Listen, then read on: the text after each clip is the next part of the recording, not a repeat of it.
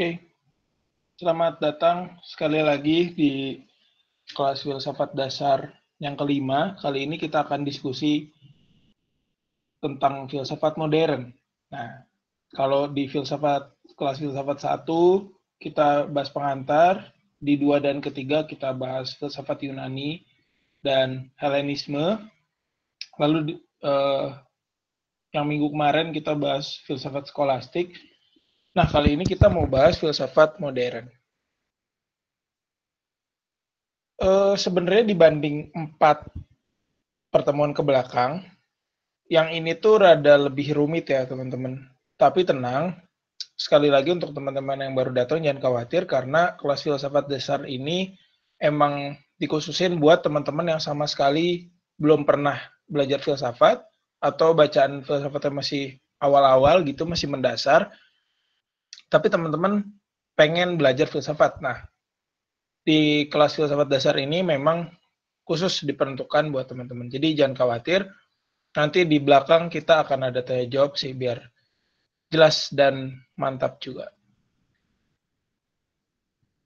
Nah, udah kelihatan belum ininya? Udah ya, slide-nya. Baik, jadi kali ini kita bahas filsafat modern dan ada beberapa kata kunci dulu nih sebelum kita masuk ke pokok bahasan tentang filsafat modern. Jadi filsafat modern itu oleh beberapa ahli disebut uh, bermula dari abad 15 Masehi dan akhirnya ada di abad 18 atau sebenarnya ada di abad 19 ya. Cuma ada beberapa ahli yang bilang di abad ke-18 gitu. Nah, kalau teman-teman ngikutin materi empat pertemuan ke belakang, kita bisa uh, memetakan ya, kita bisa jadi tahu kalau tiap era filsafat itu punya sentrisnya sendiri. Dalam tanda kutip sentris itu uh, sentra ya, apa patokan utama dari filsafatnya. Kalau filsafat klasik ada kosmosentrisme dan antroposentrisme. Kalau di filsafat Helenisme ada antroposentrisme juga, Nah, kalau minggu kemarin kita bahas teosentrisme, dan sekarang filsafat modern itu uh, antroposentris lagi. Nah, untuk teman-teman yang bingung apa itu antroposentris, teosentris, apa segala macam, boleh dilihat balik aja materi ke belakang. Cuma intinya, kalau bisa dikerucutkan, uh, antroposentrisme itu adalah sebuah filsafat yang mengutamakan atau mensentrakan atau mensentriskan antropos. Antropos itu bahasa Latin untuk manusia. Antropo manusia sebagai sentra dari filsafatnya. Jadi inti filsafat dari antroposentrisme ini atau inti filsafat dari filsafat modern itu adalah tentang manusia. Kalau teman-teman ingat ini sama persis kayak waktu di era Sokratik. Itu ada di materi LSFT pertemuan kedua. Nah, itu bisa dicek ulang aja terus didengerin. Nah, karena sentra dari filsafat modern ini adalah manusia, maka di sinilah eh, semua filsafat tentang manusia, tentang jiwa, tentang akal, tentang rasionalitas, itu lahir gitu ya. Nah, poin ketiga yang penting dari filsafat modern bahwa otoritas di zaman itu adalah sains dan ilmu pengetahuan. Nah, kalau teman-teman ingat di materi minggu kemarin, di abad pertengahan, di era filsafat skolastik, otoritas dari filsafat adalah gereja atau Tuhan atau sesuatu yang berbaunya spiritual. Nah, kali ini di filsafat modern, sentranya, intinya fokusnya dari filsafat itu karena manusia yang tadi dijelaskan, maka bukan lagi gereja sebagai otoritasnya. Otoritas filsafat, eh, otoritas itu pihak yang tertinggi dari filsafatnya atau sesuatu yang dipentingkan dan diutamakan dari filsafatnya. Nah, maka itu di era modern ini sains dan ilmu pengetahuan menduduki tempat yang sangat otoritatif, yang sangat penting dan sangat uh, apa ya sangat sangat sangat mengontrol filsafat di era itu. Nah, yang terakhir, kunci dari filsafat modern ini kalau kita mau sederhanakan dan kerucutkan ada beberapa pertanyaan. Pertanyaan pertama, dari mana kita bisa tahu? Maksudnya dari mana kita bisa tahu sesuatu itu ada, sesuatu itu benar-benar benar. Lah, gimana benar-benar benar?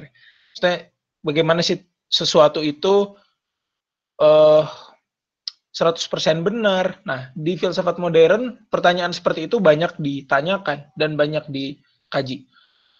Pertanyaan kedua, apa realitas yang paling nyata?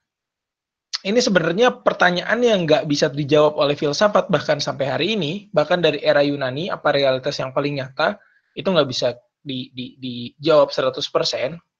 Tapi ya itulah sebenarnya pertanyaan yang menggerakkan filsafat.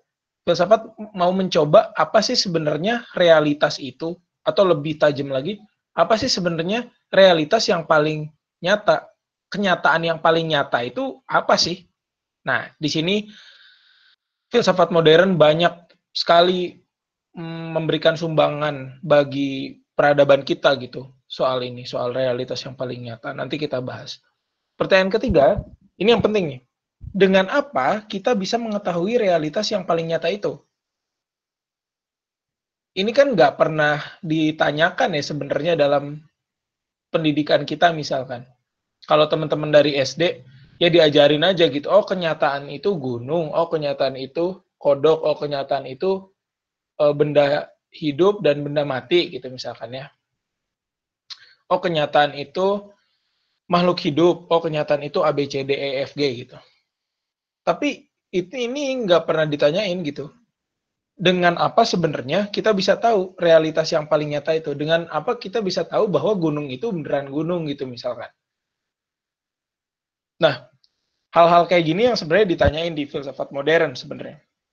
Karena di abad itu, di abad 15 sampai 18 atau tahun 1400-an, tahun 1500-an, itu sains, ilmu pengetahuan, gak secanggih sekarang sekarang mungkin kita teman-teman yang uh, ngikutin sains mungkin lagi ngikutin ini ya NASA yang baru melakukan apa tuh peluncuran di di di Mars gitu ya. Nah, di abad itu ya belum ada gitu. Belum ada apa-apa gitu, belum ada Google Meet atau laptop gitu. Jadi ya semuanya serba serba ya serba bukan serba sederhana ya. Semuanya nggak sekompleks sekarang dan situasinya nggak teknologi sentris seperti hari ini banget gitu. Jadi mempertanyakan realitas yang paling nyata, gimana kita bisa tahu realitas itu adalah pertanyaan yang paling penting di era itu. Nah, yang terakhir, ini yang menjadi titik penting juga nih di diskusi kita malam ini. Kalau kita bertanya dengan apa, berarti kan ada tuh dengan apa kita bisa mengetahui realitas. Pilihannya ya dengan indera atau akal, dengan mulut, telinga, uh, mata, kulit gitu. Itu indera ya. Kita bisa tahu realitas dengan apa ya? Indera aja atau akal aja. Akal diperlukan atau indera yang diperlukan. Nanti bakal kita bahas lebih banyak lagi. Nah, jadi karena tadi udah disebutin kunci filsafat modern ini ada empat poin, kita lanjut ke kenapa filsafat modern itu bisa muncul. Yang pertama, filsafat modern bisa muncul karena ada penolakan dan ada perlawanan dalam tanda kutip terhadap dogma tunggal dari gereja. Tadi kita udah bahas ya. Karena orang-orang mulai mencoba keluar dari sebuah pemikiran yang stagnan dari dalam tanda kutip gereja, maka mereka menyusun pikiran-pikiran filsafat yang sebenarnya berusaha mempertanyakan, meragukan, bahkan menolak ajaran-ajaran tunggal dari gereja itu. Nah, ingat kemarin di diskusi kemarin kita kan udah bahas ya, kalau di filsafat abad pertengahan, kedudukan Tuhan, kedudukan agama, kedudukan iman itu di atas akal. Jadi akal itu rendah di posisi yang bawah, sedangkan iman di posisi yang atas. Sehingga eh, segala sesuatu yang berbau akal itu harus dihubung-hubungin ke iman. Nah, dalam filsafat modern ini dibalik jadi akal itu ada di atas iman. Bahkan iman ini nggak dianggap ada dulu gitu. Kita nggak usah ngomongin iman deh kalau kata filsuf modern.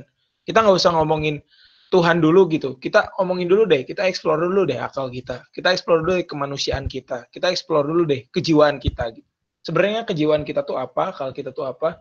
Dan inilah sebenarnya proyek besar dalam filsafat modern, yaitu mengembangkan akal, mengembangkan rasio dan bla bla bla.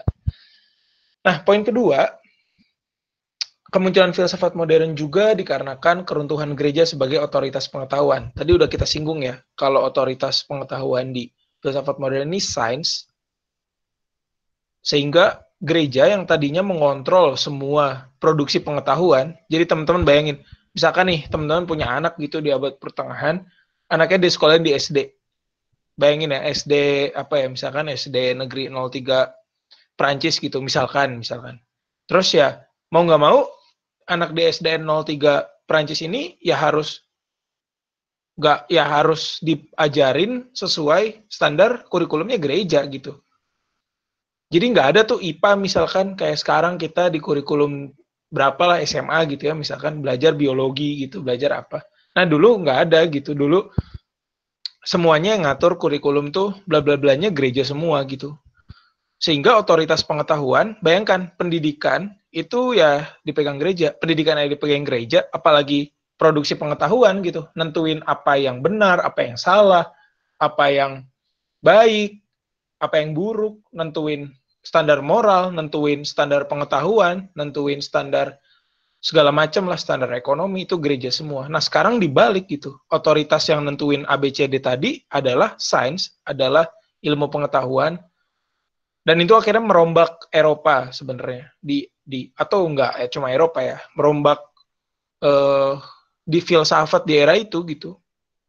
Nah, poin ketiga munculnya filsafat modern juga karena menguatnya pranegara atau kerajaan juga dan menguatnya para pedagang kelas menengah yang beraliansi dengan aristokrat atau de dengan bangsawan. Jadi karena tadi gereja udah nggak ada pengaruh, maka sekarang pengaruh yang besarnya ya ke para pedagang kelas menengah, bisnismen gitu ya, kalau di era ini. Dan negara gitu kerajaan, pemimpin, pemimpin politik. Sehingga pengetahuan, seni, uh, musik, apalagi seni lukis, seni musik, seni-seni uh, bangunan gitu. Semuanya ya ujung-ujungnya ke kelas pedagang kaya ini dan kelas bangsawan. Sehingga ya filosof-filosof pun nanti uh, banyak juga gitu beraliansi dengan kelas pedagang kelas menengah ini dan bangsawan sehingga Nanti kelihatan deh, kita bakal bedah juga soal ini. Poin terakhir, sebelum terlalu panjang. Uh, filsafat modern ini juga menandai sebuah era individualistik dan subjektif dengan perangai objektivitas gitu. Ini kata Russell ya. Jadi uh, tadinya semua sesuatu itu ya karena tadi dikontrol gereja terus ya semuanya harus nunduk kepada kebersamaan gereja gitu ya, kolektivitas masyarakat, maka ya individu, manusia sebagai manusia doang gitu ya, manusia seorang doang, itu yang nggak bisa punya peran banyak. Individu, manusia sebagai individu, manusia sebagai makhluk individual gitu ya, nggak berbagai, nggak mendapat banyak tempat gitu. Dan filsafat modern memberi ruang sebenarnya untuk individualistik itu, untuk bahwa kita sebagai pemikir, kita sebagai uh, filsuf itu gak itu berhak untuk independen, berhak untuk mandiri, berhak untuk ya individual aja, untuk ngurusin diri sendiri tanpa diurusin oleh gereja, oleh negara, oleh bisnis dan apa pun gitu. Nanti bakal kita bahas di akhir. Nah, itu dia sedikit kenapa filsafat modern bisa muncul dan hubungannya dengan materi empat materi kita ke belakang. Nah, sekarang mari kita mulai uh, yang pertama, teman-teman bisa lihat di, di, di gambar ini ya. Jadi di sebelah kiri ini ada lukisan. Uh, ini lukisan di era Renaissance tahun hmm, tadi berapa ya? Saya lupa deh. Tahun uh, eh, 1550. Dan lukisan ini ya dilukis oleh seorang seniman Italia karena nanti kita bahas Renaissance itu awalnya dimulai dari Italia. Nah, kalau teman-teman ingat minggu kemarin di era skolastik, uh, kesenian yang muncul itu atau enggak segala sesuatu yang muncul tentang pemikiran itu ujung-ujungnya kan Tuhan. Nah, sekarang karena tadi udah kita kita bahas karena sekarang ujung-ujungnya nanti manusia antroposentrisme tadi, maka semua hal yang diproduksi entah itu seni, entah itu pikiran, itu ujung-ujungnya tentang manusia. Ini bisa dilihat dari lukisan di kiri gitu. Di era skolastik, di era abad pertengahan, di era sebelumnya, itu susah gitu orang untuk ngelukis kayak gini misalkan, ngelukis uh, apa ya, uh, erotisme tubuh dan menggambarkan itu jadi sebuah seni, ya itu nggak dapat tempat gitu. Dan inilah tanda renaissance gitu, bahwa semua refleksi tentang, nggak refleksi, semua pemaknaan tentang apa pun, seni, apa pun, filsafat, itu berangkatnya dari manusia gitu. Nah, di situlah nanti filsafat juga serupa dengan lukisan di kiri ini. Filsafat juga menganggap manusia sebagai pusatnya. Di sebelah kanan ini kita lihat ada filsuf dari Renaissance Italia namanya Nico namanya Machiavelli ya. Niccolo Machiavelli. Nah, Renaissance Italia Renaissance Italia itu sebenarnya apa ya kalau kata Bertrand Russell dimulai dari abad ke 15 tadi, di tahun 1400-an ketika bangsawan-bangsawan kaya ini mulai apa ya, mulai mulai ber, lebih berpengaruh gitu dan menggeser pengaruh gereja. Nah, karena kita nggak bakal bahas historisitas sama politiknya, kita langsung bahas ke pemikiran aja ya. Proyek besar dari Renaissance Italia ini ingin meruntuhkan sistem skolastik yang rigid atau sistem skolastik yang kaku. Kalau teman-teman ingat di abad eh kok di abad sih sorry. Di kelas sebelumnya ya kita bisa lihat kan sistem filsafat skolastiknya ala Thomas Aquinas misalkan ya itu sangat kaku ya sangat rigid. Karena semua refleksi semua upaya manusia untuk mengeksplorasi akalnya yaitu harus dikontrol keimanan harus dikontrol Tuhan gitu. Sehingga uh, apa ya diskursus atau diskursus itu pembangunan dan eksplorasi pemikiran itu yang nggak banyak berubah gitu. Nggak banyak ada loncatan penting karena ya muter di situ aja gitu. Dan kekakuan itu bukan hanya kekakuan karena soal Tuhan tadi ya tapi ya karena karena filsafat dikuasai oleh uh, lingkungan yang kaku juga, lingkungan yang nggak bisa mengeksplorasi total gitu.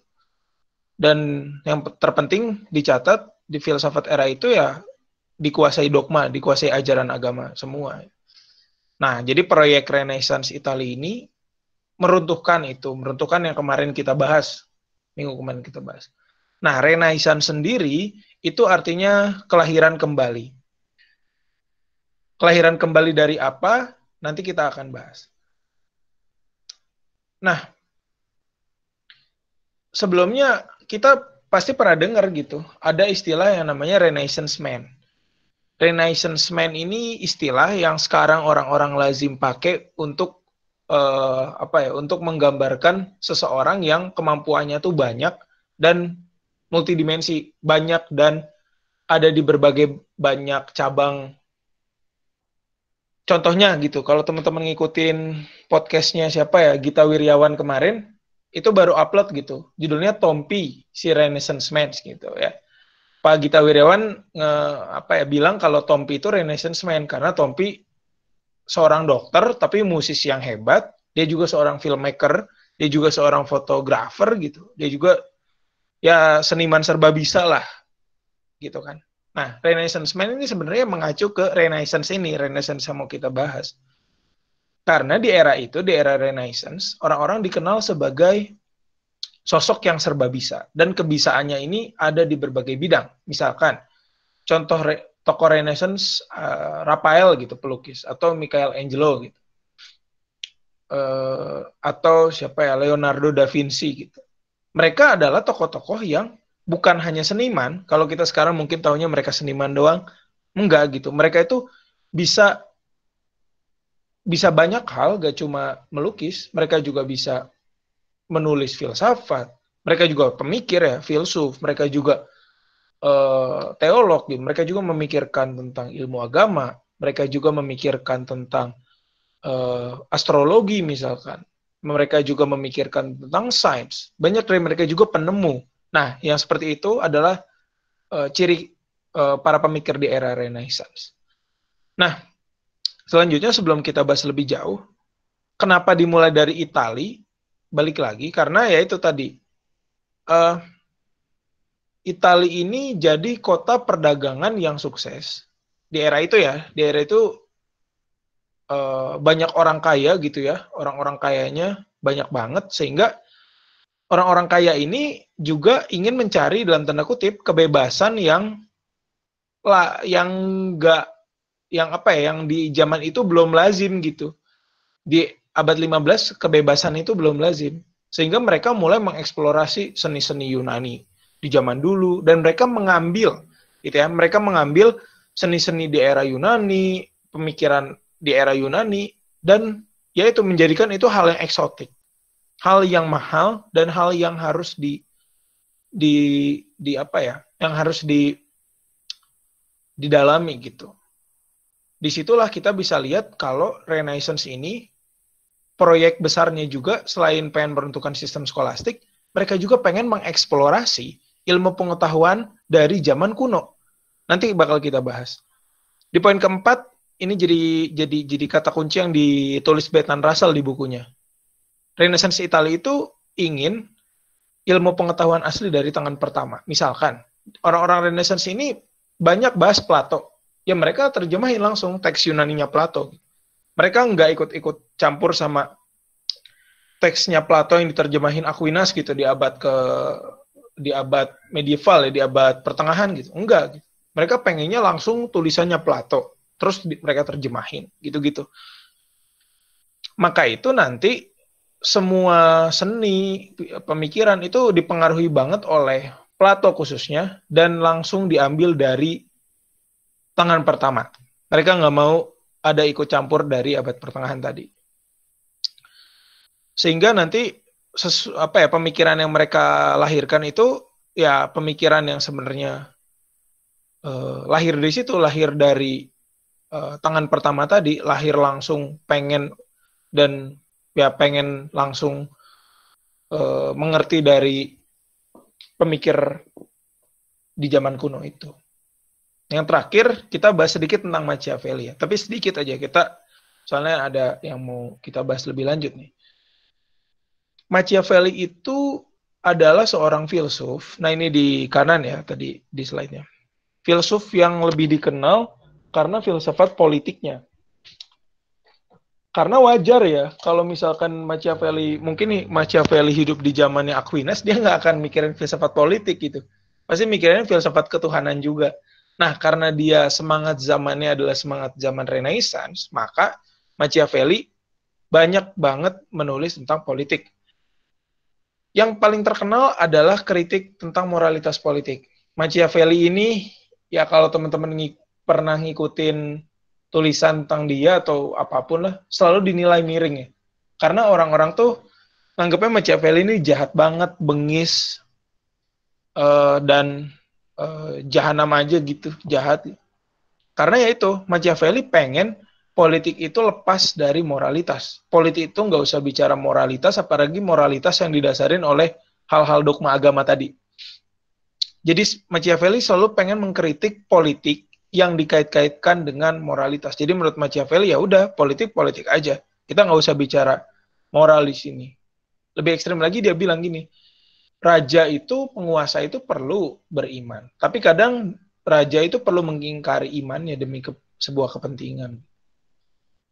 Di sini sebenarnya ciri khas Machiavelli dan ciri khas Renaissance tadi gitu. Dia ingin mencoba mengkritik pemikiran yang dogmatik yang kaku ya. Apalagi yang bikin kakunya itu agama gitu. Pengen dikeluarin agamanya dari perbincangan politik. Machiavelli juga terkenal dengan konsep kebebasannya gitu. Dan ini ya terlihat ya, nggak mungkin kan orang mengkritik moralitas politik tadi, tapi ya dia nggak dilandasi kebebasan ya. Ya maka kebebasan itu sebenarnya kan landasan pemikirannya Machiavelli gitu bahwa ya kita berpolitik harus bebas aja, nggak usah lah mentingin moral-moral itu urusan agamawan aja.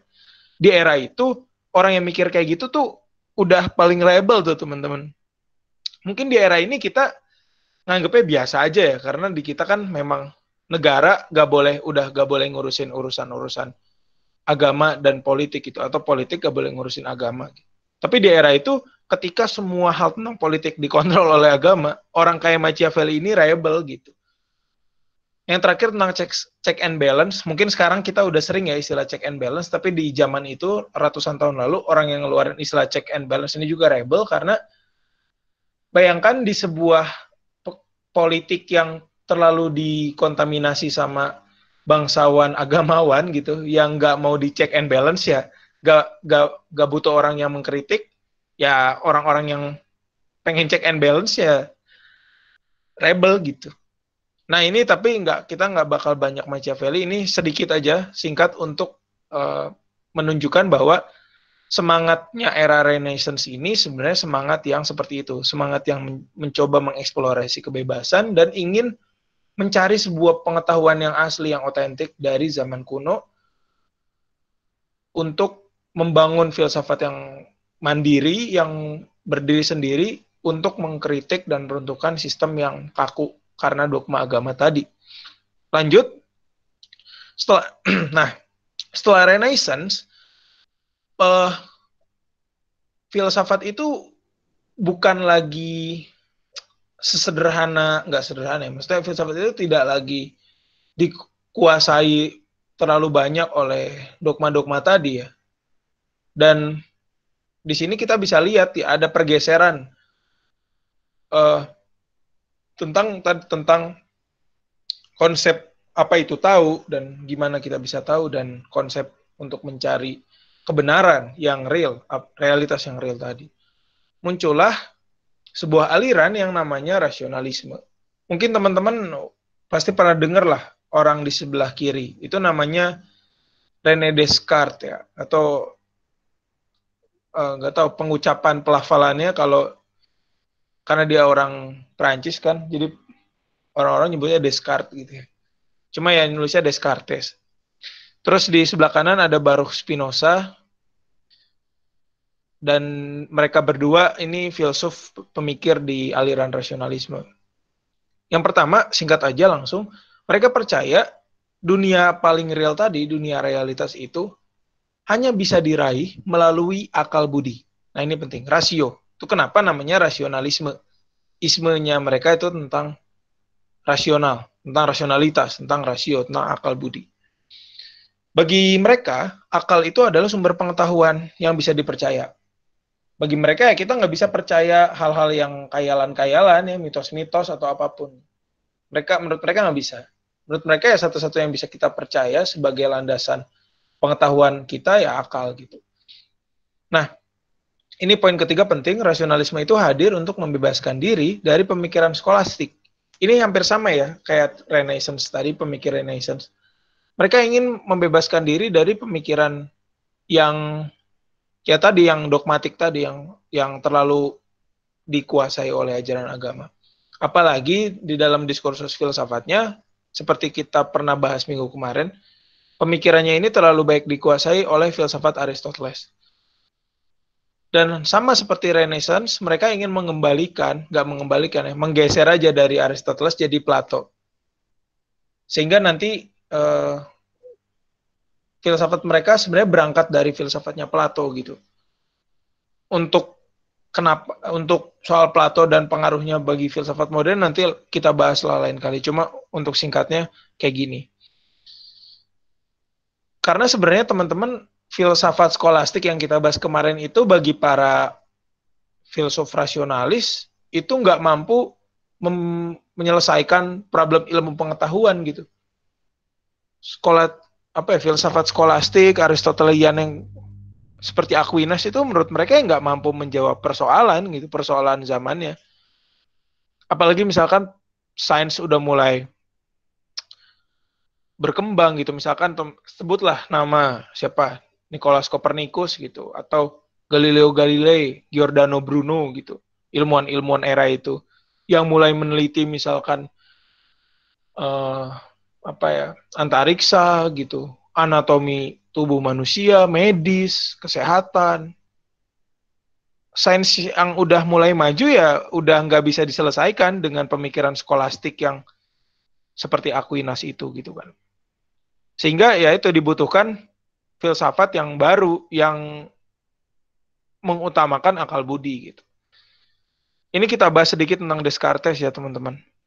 Descartes itu terkenal dengan istilah yang di yang aku tandain di slide ini, cogito ergo sum. Aku berpikir maka aku ada bagi Descartes keberadaan, eksistensi ya keberadaan ya, eksistensi itu keberadaan. Keberadaan manusia itu ya ditentukan bagaimana dia mengelola akalnya, bagaimana dia berpikir. Sehingga bagi Descartes orang-orang yang tidak berpikir ya udah nggak nggak utuh tuh sebagai manusia tuh. Nah, di sini kita bisa lihat ya bagaimana fil semangat filsafat Descartes itu benar-benar orientasinya tuh kogito itu gitu akal rasionalitas itu selanjutnya bagi Descartes juga kebenaran apa ya gini akal yang udah kita olah itu kan pada akhirnya berusaha untuk mencari kebenaran. Nah, tapi menurut Descartes kebenaran sendiri itu sebenarnya bawaan lahir. Jadi kita cukup punya akal untuk mengerti kebenaran. Karena kebenaran itu harus dicari dengan akal. Dan kebenaran itu udah ada dalam diri kita dari lahir, bawaan lahir. Atau a priori bahasa filsafat. Ini menjadi fil, apa ya kunci penting dalam filsafatnya Descartes. Itu kenapa dia percaya akal aja cukup gitu. Karena ya itu kebenaran kan udah ada nih dari lahir. Kita udah membawa kebenaran, kita tinggal explore aja pakai akal kita kan. Nanti terkenal tuh konsepnya Descartes tentang res cogitans gitu. Dan res extensa. Cuma ntar kita bahas lah. Kali ini kita skip dulu dualismenya ini. Cuma itu ya teman-teman bisa nangkep uh, semangat dari filsafat rasionalisme itu, filsafat yang seperti apa dan untuk apa. Kita lanjut ke aliran yang kedua dari modernisme awal. Ini bisa dilihat ada dua filsuf penting di era selanjutnya ini. Yang kiri itu namanya John Locke dan yang kanan namanya Thomas Hobbes. Kalau tadi Descartes atau Descartes itu asal dari Prancis dan Spinoza juga lebih banyak ngabisin waktunya di uh, Spinoza itu Belanda dan Prancis kalau nggak salah ya bentar. Salah nih.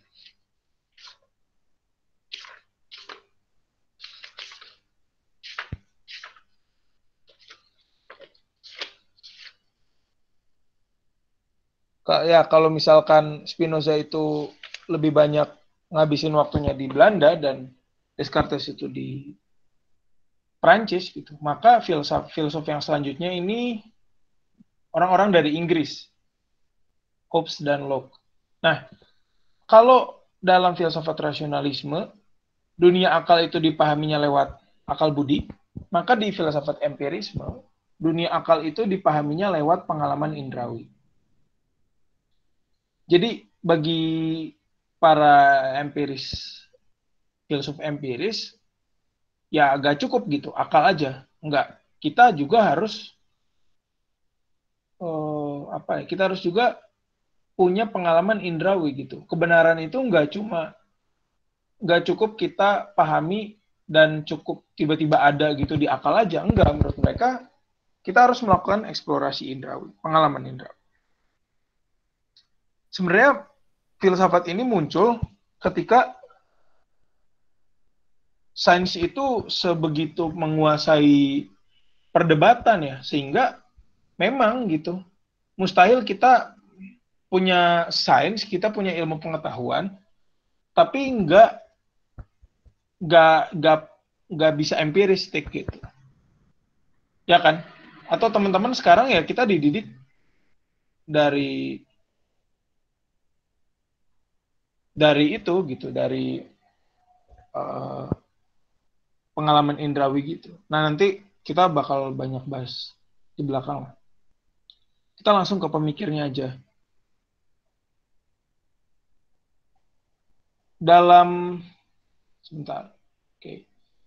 Dalam pemikirannya Hobbes dari filsuf yang ada di kanan slide ini, dalam filsafatnya Hobbes ada kata kunci yang penting. Yang pertama kemandirian filsafat gitu bagi Hobbes filsafat itu nggak boleh dicampur adukin sama teologi gitu, apalagi sama ajaran agama. Menurut Hobbes filsafat filsafat ya filsafat aja. Filsafat ngerjain tugas filsafat aja untuk mencari dalam tanda kutip kebenaran yang uh, rasional gitu, kebenaran yang dalam tanda kutip objektif. Gitu. Sehingga udah nggak relevan lagi gitu. Kita ngait-ngaitin dogma agama sebagai acuan dari filsafat seperti di era sebelumnya.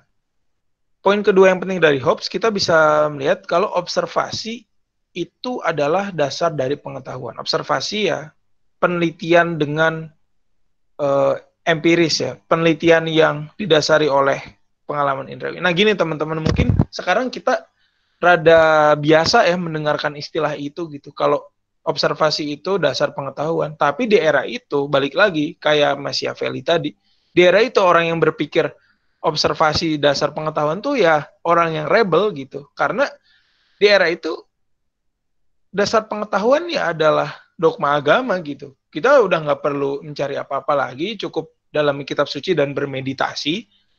Maka eh, pengetahuan itu akan bisa kita dapat.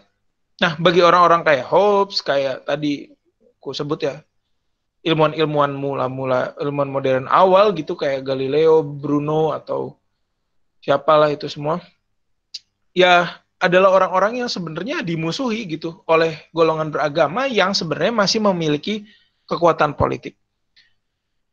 Ini ini menjadi catatan penting nih. Kalau Hobbes itu memang dimusuhi oleh banyak sekali golongan beragama. Bukan karena bukan hanya karena pemikirannya soal observasi sebagai dasar pengetahuan, karena di kemudian hari nanti Hobbes menulis banyak soal filsafat moral ya, filsafat etika dan itu bertentangan banget sama doktrin agama sama ajaran agama. Itu kenapa dia dimusuhi oleh hampir semua golongan.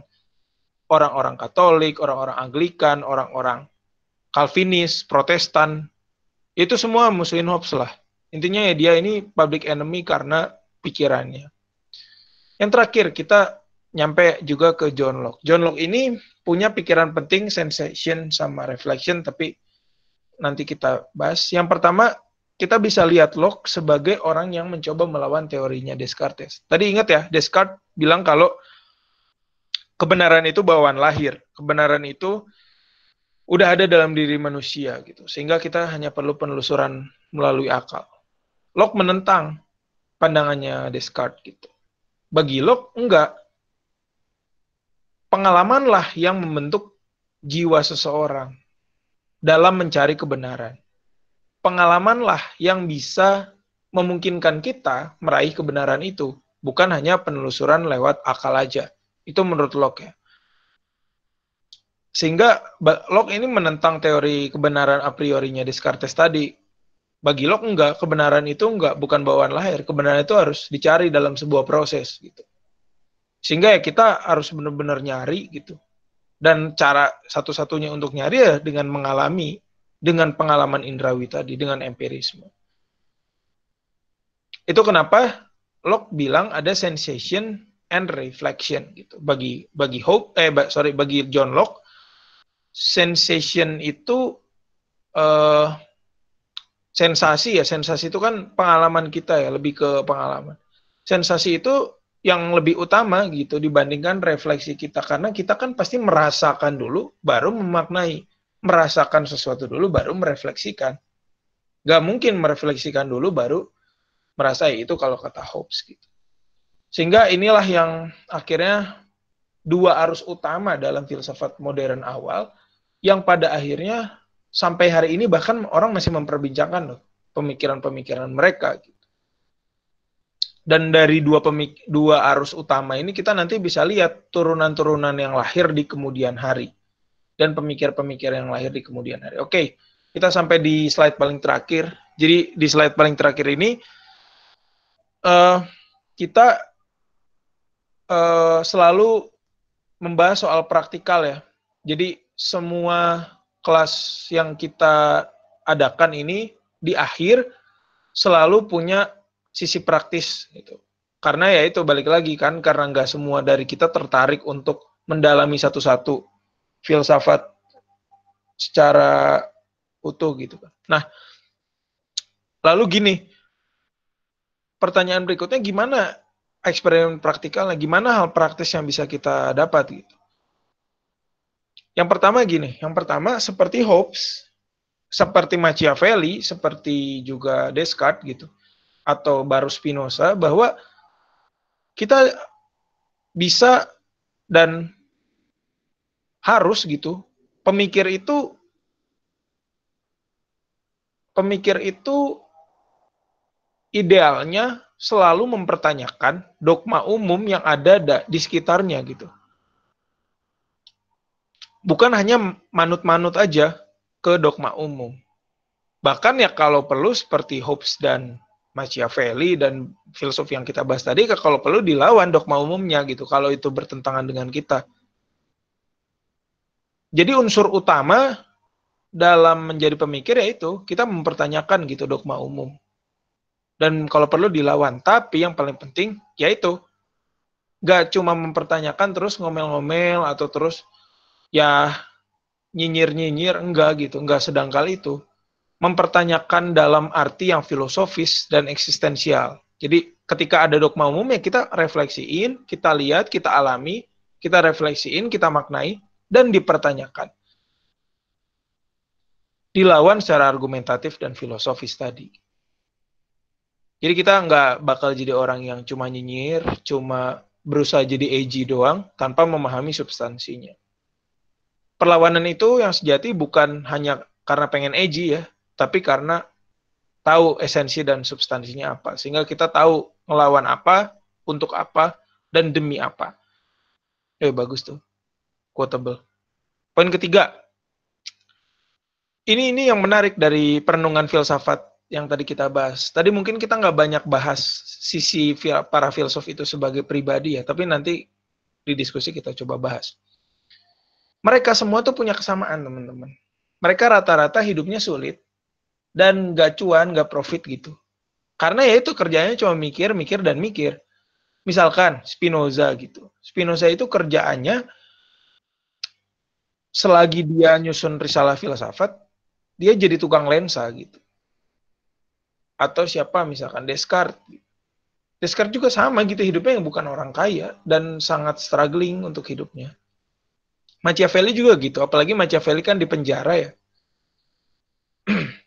dan ya itu Machiavelli berusaha kalau kata Russell Machiavelli itu effort banget untuk ngedeketin keluarga Medici keluarga kaya di Italia dan gak bisa-bisa gitu ya itulah kenapa ya itu gambaran gitu bahwa untuk berpikir independen untuk berpikir mandiri itu sebenarnya hal yang sulit dan kebanyakan gak cuan gitu bahkan hari ini orang yang belajar filsafat kan kayaknya aduh nggak profit banget deh bidangnya tuh. Dan buat apa sih? Apakah masih bisa hidup masih bisa makan gitu masih bisa hidup mapan dengan filsafat kan? Masyarakat kita meragukan itu. Tapi ya itu tradisi dari zaman zaman modern sampai hari ini ya itu. Kebanyakan filsuf hidupnya ya sulit. Walaupun ada ya filsuf yang hidup enak tapi ya bukan karena filsafatnya dia hidup enak. Misalkan siapa ya contohnya? Leib, Leibniz gitu tadi mungkin kita belum bahas Leibniz uh, Leibniz tuh hidupnya cukup mapan karena dia jadi seorang pegawai di pegawai pemerintahan lah. Tapi ya itu maksudnya banyak filsuf yang kalau demi filsafat doang dia dia struggling parah hidupnya gitu. Dan bidang ini nggak nggak profitable. Kalau kita ngukurinya pakai logika kapital ya logika duit itu. Poin keempat dari Tom, Tom Thomas Hobbes tadi kita bisa belajar kalau lawan kita kalau pengen berpikir tadi ya pengen mengkritisi dogma umum dan melawan dogma umum ya lawan kita pasti banyak. Tapi yang nggak usah dalam tanda kutip kita hadapin dan ladenin juga. Tetap ada di jalur yang kita yakini aja, karena ya lawan pasti banyak gitu. Kalau kita ingin mempertanyakan dogma umum, kita pengen berusaha mencari lebih, kita ingin berpikir independen, lawan pasti banyak gitu. Jadi ya itu udah hal yang lumrah dan nggak usah dalam tanda kutip dihadapi se-effort itu ya. Kita lakukan aja apa yang dipercaya seperti hopes gitu.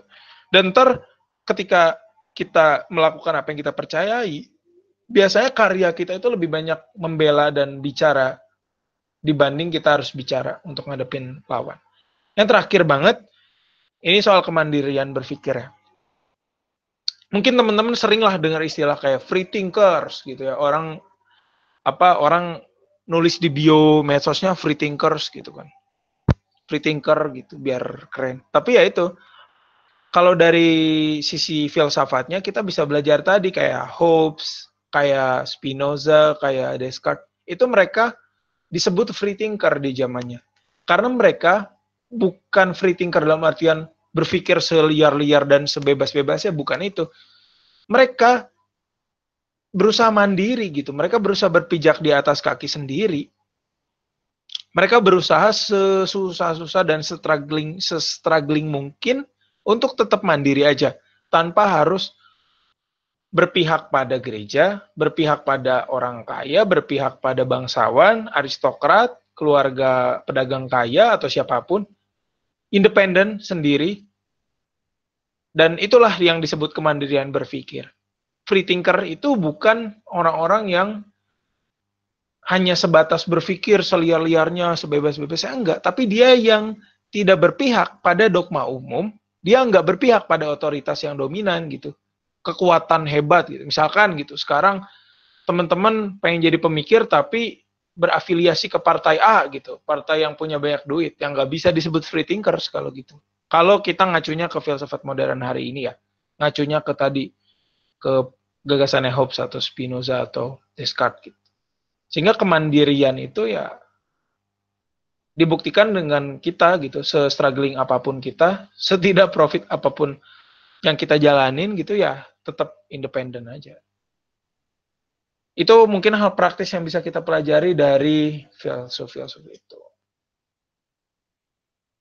Oke, mungkin segitu dulu, teman-teman. Nah, ini ada tiga buku uh, tiga buku utama yang jadi acuan ya di